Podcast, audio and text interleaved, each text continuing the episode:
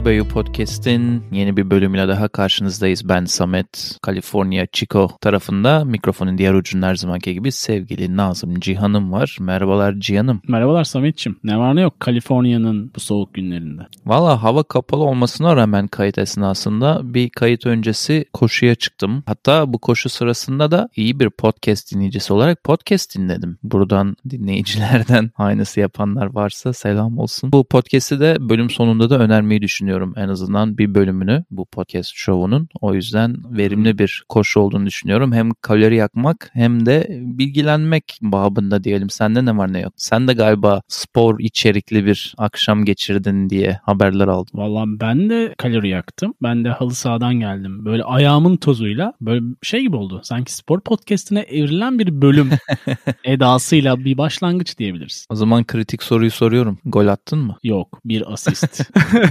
defansif, defansif bir yaklaşım oldu herhalde büyük ihtimalle oyun içerisinde diye düşünüyorum. Görevin babında. ya Samet'ciğim her pozisyonda oynayıp bir asist yaptım ama şu bir gerçek ki şey vardır ya artık geçmiş bizden. İşte, evet. Yaşlanmışız. Veteran bir sporcu olmanın vermiş olduğu duyguyu hissettim ve bütün veteran sporculara karşı bir empati gösteriyorum şu anda. Hele ki uzun süre oynamayıp bir şeyi ki sen de ben de böyle halı sahacı falan değiliz öyle yanlış anlamasın dinleyici. Uzun süre bir oyun oynamadığında bir sporu bir anda oynadığında gençler varsa o müsabakanın içinde işte o zaman senin dediğin veteran tecrübeli oyuncu klasmanına girmişiz. Olayı çok daha fazla hissediliyor. Çünkü ben de ara sıra böyle basket olsun başka şey olsun oynadığımda 20'lik 25'lik çıtır gençleri karşımda bulduğumda hatta şöyle komik bir şey anlatayım bölüme girmeden önce. Şimdi aklıma geldi. Bu bölümünü de yaptığımız bir gemi seyahati vardı ya işte evet. Meksika koylarına falan gitmiştik. Şimdi o gemilerde basket sahaları var en tepede üstü açık. Orada da küçük turnuvalar düzenliyorlar aramızda eğlence olsun diye 2'ye 2. En sonunda da küçük ödüller veriyorlar kazanana, üçüncüye falan. Şimdi benim kardeşimle ben yani kardeşim zaten basket çok oynamaz. Ben de dediğin gibi işte paslanmış bir basketçiyim. Aha. Dedik yazılalım ya geyik olur falan böyle günün ortasında. Abi yazıldık. Bize şansa sayısaldan iki tane iki metre boyunda siyahi 20 yaşında çocuk geldi. Böyle sanki NBA'den fışkırmışlar gibi o yüzden siyahi diyorum.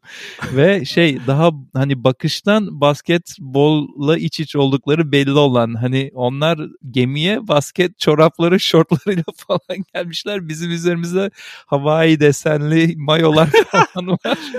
ya bir de Türker uzun baktığın zaman ama evet. o kadar. Şimdi o da dinlerse bunu e, gülümseyecektir, anımsayacaktır. Bayağı bir sanırım ya sayı atmadan ya da zar zor bir sayı atarak yenildiğimizi hatırlıyorum. Yani onları izledik, onlar bize öğretti şeklinde geçe.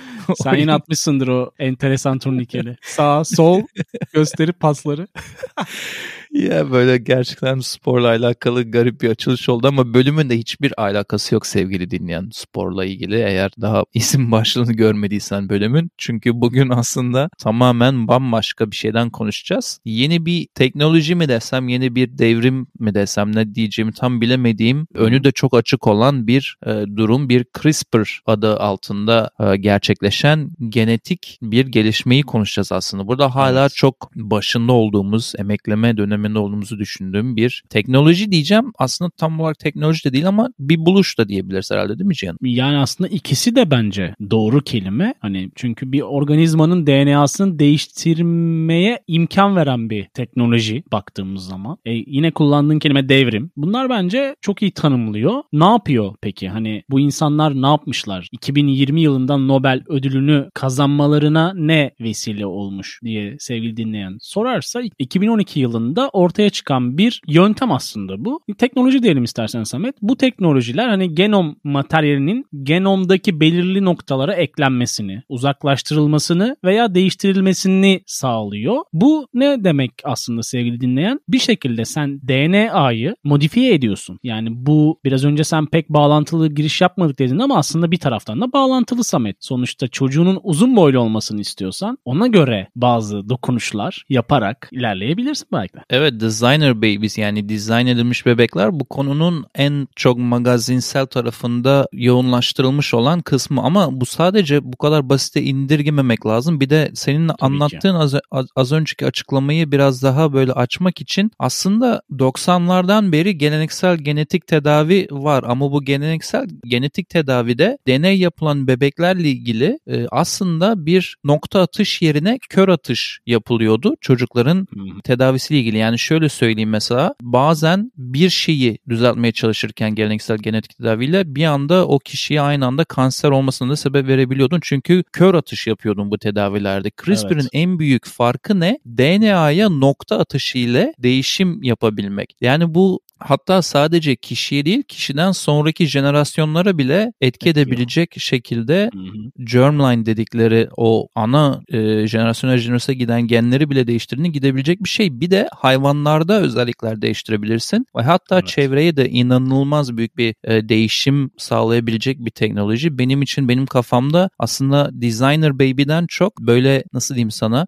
insan özelliklerini değiştirme, insan hastalıklarını sıfırlama, küresel ısınma bak bu çok ilginç senin dikkatini çekeceğini düşünüyorum. Küresel ısınmayla ilgili bazı mikroorganizmalarda yaptığın değişikliklerle azaltma ile ilgili bir devrim olabileceğini düşünüyorlar ki az önce bahsettiğin Nobel ödülü ile ilgili Jennifer Doudna onlardan birisi, iki bayandan birisi bu ödül alan onun kendi söylemine göre küresel ısınmaya çare olabilir diyor. Bir de işte bunun hayvan tarafında bir devrim gibi bir durumu var. Mesela benim en çok bu podcast'te seninle konuşmak istediğim e, sıtmanın Afrika'da sivrisineklerden dolayı bir türlü durdurulamadığı ortamda evet. bir DNA de CRISPR kullanılarak bir DNA değişikliğiyle o sivrisinekleri Afrika'dan bildiğin yok etmek gibi bir teknolojiye bile olanak sağlayan bir, bir durum yani bu. Yani temelde senin verdiğin aslında ana fikir çok önemli. Burada nereye evrileceği aslında kritik bu yöntemin, bu teknolojinin. Çünkü insan hastalıklarının önlenmesi ve tedavisinde çok önemli bir parametre olma imkanı var. Hatta bağıra çağrı var. E sonuçta yıllardır devam eden kronik hastalıklar var dünya üzerinde. Senin verdiğin sıtma örneği mesela HIV var, ne bileyim akıl hastalıkları, kronik kalp hastalıkları, kanser mesela ve bunlara bir tedavi ümidi aslında bu teknoloji, bu yöntem. E diğer taraftan da hani evrimsel rotayı da değiştirmeyi mümkün kılıyor. Senin verdiğin küresel ısınma önlenmesine yapabileceği katkılar da bunun bir çeşidi. Çünkü bu sadece hayvanlar değil yani bakınca meyve sebze için bile geçerli bir şeyden bahsediyoruz. Yani yaptıkları bilim adamlarının yaptığı domatesin tamamen acı biber formatında bir domates olması ve zamanla da kocaman böyle domates bibervari bir şeye dönüşen bir sebze meydana getirmiş bilim adamları bu denemelerinde. E diğer taraftan da bu teknolojiyi kullanarak da HIV virüslü bir farenin bu virüsü yenmesini sağlamışlar. Bu makale olarak da haber olarak da geçiyordu yanlış hatırlamıyorsam. E bir tasarım tarafına giriyor aslında. Böyle farklı bir boyuta geçiyor. Bunun hem iyi tarafı olacak tabii ki bir de kötü tarafı olacak insanlık için. E doğal olarak da etik tartışmaların da böyle tavan yaptığı bir süreç olacak ve bu sürecin gerçekten başındayız. Daha çoğu insan bunun ne olduğunu tam olarak bilmiyor ama bir nevi Doktor Frankenstein'cılık oynama olarak adlandırabiliriz bu evrede diye düşünüyorum. Şimdi bu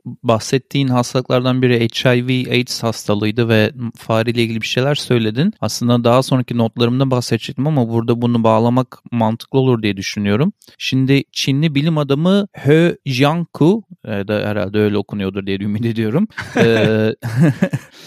E, daha embriyo safhasındayken ikiz kızların ya daha bu kızlar hücre safa, safhasındayken evet. ikiz kızların e, CCR5 adlı proteinini DNA'dan çıkararak HIV'ye AIDS'e bağışıklı bir şekilde doğmalarını sağladığını açıkladı. 2018'lerde falan olabilir bu aslında çok yakın tarih. E, evet. E, bu az önce bahsettiğin etik olayla ilgili de inanılmaz bir çalkantılı bir tepkiye neden oldu bilim dünyasında ve sonrasında da şöyle bir şey var. Ben biraz derinine inmeye çalıştım. Bunun her zamanki gibi yani bizi böyle sıkı takip edenler görmüştür ya dinlemiştir daha doğrusu Çin'le ilgili yaptığımız bölümleri. Yine abi yine bu aynı kapanık ve şizofrenik durum karşıma çıkıyor. Bu adama bu olaydan bir yıl sonra 3 yıllık hapis cezası vermiş Çin hükümeti. Evet, bir hapis vermişler. Ondan sonra da bu adamla ilgili herhangi bir ipucu, herhangi nerede tutuluyor, ne yapılıyor, yaşıyor mu, ediyor mu, kaldı mı Bakıyorum. Adam yeryüzünden yok olmuş hacı. Yani bütün bu hı hı. önceki yok olanlar gibi bu adam da silinmiş gitmiş bir şekilde şu anda. Ama ondan da önemlisi Cihan'ım ve dinleyen. Şimdi burada sanırım isimleri Lulu ve Nana yanlışsa beni düzeltirler. İki tane kız var dünyaya gelen. Bu Hı-hı. ikiz kızla ilgili de hiçbir şekilde bir e, gözetim, bir rapor, neredeler, iyiler mi? Bu dünyaya ilk defa gelen genetik olarak manipüle edilmiş iki tane insanın ne yaptığı, anası babası bunlara nasıl bakıyor, bilim adamları bunları gözetim altında tutuyor mu ve en önemlisi de bunun işe yarayıp yaramadığını bulabilmek için ileride başka evet. bir psycho bilim adamı bunlara AIDS verecek mi vermeyecek mi? Yani bu kadar o kadar çok soru var ki bunları soran da ben değilim bu arada. Yani mesela TED konuşmalarında falan bunlar soruluyor bilim adamlarına. Hı-hı. Ne oldu bunlara diye. Bilim evet. adamları yani çok entelektüel insanlar böyle konuşuyorlar ve bundan endişleniyorlar. Burada garip ve kaçık bir yan hikayeye böyle kapı açmak istedim çok kısa. Çünkü e, hani hayvanlarda bu yapılıyor. Bu adam işte arkadaşları laboratuvardaki direkt insanlara kimseye söylemeden bu CRISPR teknolojisini uyguladı. İlk uygulayan oldu. E, dolayısıyla CRISPR'ı bulan insanlar da onun hakkında şöyle şey diyorlar. Bence ayağa yere basan bir şey değil. Ben ilk olmalıyım, ilk ben yapmalıyım cılıkla bir deneydi diye düş bunu adlandırmışlar. Öyle yani. Bir de bir şey daha söyleyeceğim canım. Bazen bazı şeyleri hiç beklenmedik anda ve hiç amaçlamıyorken bulursun. Bu CRISPR'ın ortaya çıkmasını da okumuşsundur. Evet, Belki bakterileri hani inanılmaz saçma. Ya yani saçma değil de inanılmaz benim için tesadüf. tesadüf. Bakterileri topluyorsun çamurdan. Bu bakteriler nasıl bunlara saldıran virüslerle başa çıkıyor diye ve bütün dünyanın kaderini değiştirebilecek bir DNA teknolojisine evriliyorsun oradan. Ya bu çok kaçık bir şey benim için. Ya ben ya ben doktorun açıklamasını dinlemiştim. Şey diyor İsveç'in kuzeyinde bir üniversiteden kabul alıp işte orada bir laboratuvar kurmuşlar. Doktor şey dedi hani laboratuvara yürürken crisp crisp crisp sesler çıkıyordu dedi kara basarken. Oradan çok iyi bir his içimde belirdi ve bunu burada başarabileceğimi hissettim şeklinde gerçekten tam bir Türk olabilecek bir açıklama olarak görüyorum. Şeyden bahsettik hani etik tarafa çok değindik. Bir taraftan da bunun aslında yarı işe yarayıp yaramayacağından da bilim dünyası emin değil. Tamam böyle bir teknik var. Bu hayvanlara, bitkilere uygulanıyor. Ama senin de dediğin gibi o iki kızın üzerinde yapılabilecek araştırmalarla aslında bazı şeyler ortaya çıkabilir. Tabii ki o Çinli bilim adamının yaptığı tamamen yasa dışı ama sonuçta bir uygulama pratikte olmuş. Ve sevgili dinleyen bu hücre ve embriyo genomunu düzenleme durumları zaten dünyanın neredeyse tamamında yasak. Yani yasak olmayanların da muhtemelen teknolojisi yetmiyor. Öyle bir durum var. O yüzden Çinli doktorun yaptığı inanılmaz yasa dışı ve etik olmayan bir hareket. Bayağı şey böyle ben yaptımcılık senin de ifade ettiğin gibi. Ama yine çok büyük soru işaretleri bence var. Ne kadar umut vaat ediyor olsa da bu şeye doğru döndü. Hani eski zamanlarda He-Man'ler falan vardı ya kötü güçlerin eline geçerse çok tehlikeli bir silah olacak durumu aslında eğer işe yararsa CRISPR yönteminde ve teknolojisinde var gibi Samet. Bu konuda sana bir enstantane sunayım hemen. Bunu YouTube'da bile bulabilirsin izlemek için. Putin'in 2017 Soçi Gençlik Festivali'nde ki Putin'e örnek verme sebebi son zamanlardaki şeytan eşiktir Putin. tam aynen tam gündemimize denk gelecek böyle kötü ellere düşebilire örnek vereceğim. 2017 Soçi Gençlik Festivali'nde e, gençlerle sohbet ederken bunlara bunlardan bir tanesi ona soruyor işte illerinin teknolojisinin savaşını askerleri nasıl görüyorsun diye. Adam orada hı hı. E, ağzını direkt şunu e, alıyor. CRISPR gibi teknolojiler ile belki de ileride süper askerler yaratıp nükleer silahın buluşundan daha da korkutucu ilginç buluşlara doğru gidebiliriz diyor. Yani, yani. şimdi bu adam bunun farkındaysa ve gençlere böyle şeyler söylüyorsa senin dediğin aslında çok elle tutulur bir e, endişe. Benim için baya bir ikilemde kaldığım bir durum. Çünkü sanki hatta bana şöyle bir his verdi canım. Doğru zamanda doğmuşuz be dedirtti. Çünkü ileride bu ileride bunun kontrolden çıktığı zamanlarda gerçekten yaşamak istemem. Çünkü şöyle şeylerden bahsediyoruz. Şimdi DNA'da e, her kod bir şeye denk geliyor. Sen ileride acı hissetmeyen asker yaratabilirsin savaşa girdiğinde. Yani yine yaralanacak, yine kanayacak tabii ki ama acıyı hissetmediği için onun korkusu da olmayacak yapamayacak. Bunun bir örneği var çok ilginç. Hindistan'da bir çocuk, fakir bir çocuk Hindistan'da e, sokak gösterileri yaparak hayatını devam ettiriyor. Acıyı hissetmediğini iddia ettiği için sokakta başkalarının yapamayacağı şeyler yapıyor. İşte elini aleve sokmak, ne bileyim işte çiviyi koluna batırmak falan filan. E, iyi de para yapıyor bundan. O kadar ünleniyor ve gaza geliyor ki en sonunda diyor ki bir işte bana şu kadar para verirseniz gidip bir çadına atlayacağım diyor. Çadından atlıyor ve ölüyor. Hani çadından atladı diye yaşayacak hali yok sonuçta. Hı hı. Vefat ediyor ve sonrasında Hindistan'daki bir laboratuvara götürülüyor araştırılmak için ve orada derin araştırmaları yaparken DNA sequencing dedikleri DNA'sını da orada monitöre soktuklarında bütün DNA kodlarında bir tane kodun çarpık olduğunu ve bu kod bu kod değişimi nedeniyle de hiçbir şekilde acıyı hissetmediğini tespit ediyorlar çocuğun böyle yüzde yüz. Hani şimdi bu CRISPR ile herhangi birinden yapılabilmesi tam o Lulu ve Nana'daki HIV'ye denk gelen proteini çıkarmakla eşdeğer başka şeyler de yapabiliyorsun. Evet. Yapabilirsin daha doğrusu istersen ya da ve doğru ihtimali var. Yapabilme ihtimali olabilir. Eğer elinde evet. doğru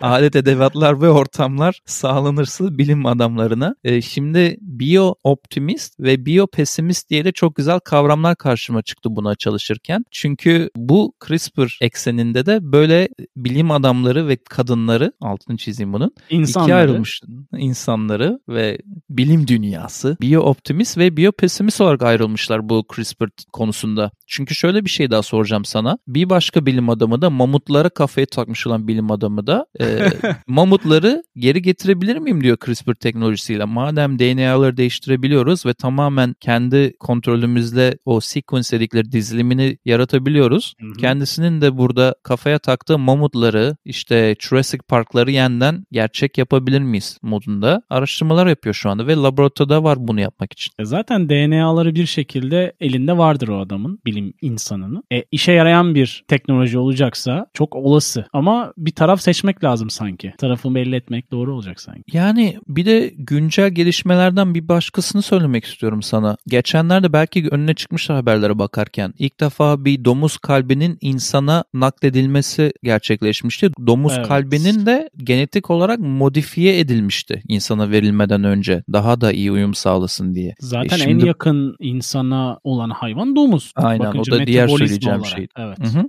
Aynen. Ve şimdi organ sanıyorum o beyefendi. Organ olarak domuz insanı en yakın or, iç organlarını nakletmek için. Şimdi hmm. bu ilk önce çıktığında ben heyecanlandım. O dedim çok iyi bir gelişme. Aynı zamanda hani CRISPR'ın da kullanıldığı burada anlaşılıyor. Genetik olarak modifiye ettikleri e, için o kalbi. E, ve senin dediğin gibi bundan herhalde bir iki ay sonra falan vefat etti o arkadaş. Yani yapamadı daha doğrusu olmadı. Uyum sağlamadı. Şimdi burada sana kritikte bir soru sormak istiyorum. E, ilerideki domuz kalbin nakilleri sence e, helal mi değil mi Müslümanlar için?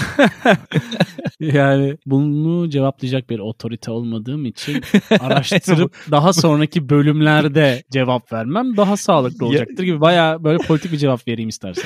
Ya da istersen bu soruyu buradan senin nezdinde Diyanet işlerine sormuş olalım. Onlar cevaplayabilirler eğer ulaşırsa. Zor bir soru de. ya. Eğer belki genom değişiklikleri yapılırsa yani bir CRISPR teknolojisini domuz doğmadan önce çözümlersek belki de bu şekilde pozitif tarafa geçebiliriz. Bir de bazı hastalıkları da saymak istiyorum. Bu konuyla beraber çaresi bulunabilecek lösemi gibi orak hücre evet. anemisi gibi çok Milyarda önemli evet. hastalıklar. Ama bunlar önlenebilir. Daha çocuk doğmadan önlenebilir evet. veya doğduğunda da CRISPR ile müdahale edilebilir. Böyle bir durum da var. Son olarak da şunu ekleyeceğim. Kafamda deli sorular bölümünde sana şunu sormak istiyorum biyopesimist bir soru. 1932'de yazılan Brave New World, Cesur Yeni Dünya kitabı sence yavaş yavaş gerçekleşebilir mi? Zaten Kitabı böyle hatırlıyorsan... kitaplar, kitaplardan evrildiğimizi düşünürsen zaman içerisinde böyle yazılmış ve geçmişte yazmışlar. Ya böyle bir şey olmaz. Ütopik dediğimiz her şey nedense bizim yaşadığımız yüzyıla denk geldiğinden neden olmasın? Bir de diğer soru da kodları bulup artık onları da değiştirmeye başladığımıza göre simülasyonu hackledik diyebilir miyiz? Miyiz? ya eğer bu yöntem işe yarayacaksa kesinlikle hacklendi diyebiliriz yani. Daha ötesi var mı? Her şeyi kontrol ediyorsun. Yani tanrı gibi bir şeye geçiyorsun aslında. Oturuyorsun ve kendi dünyanı yaratıyorsun.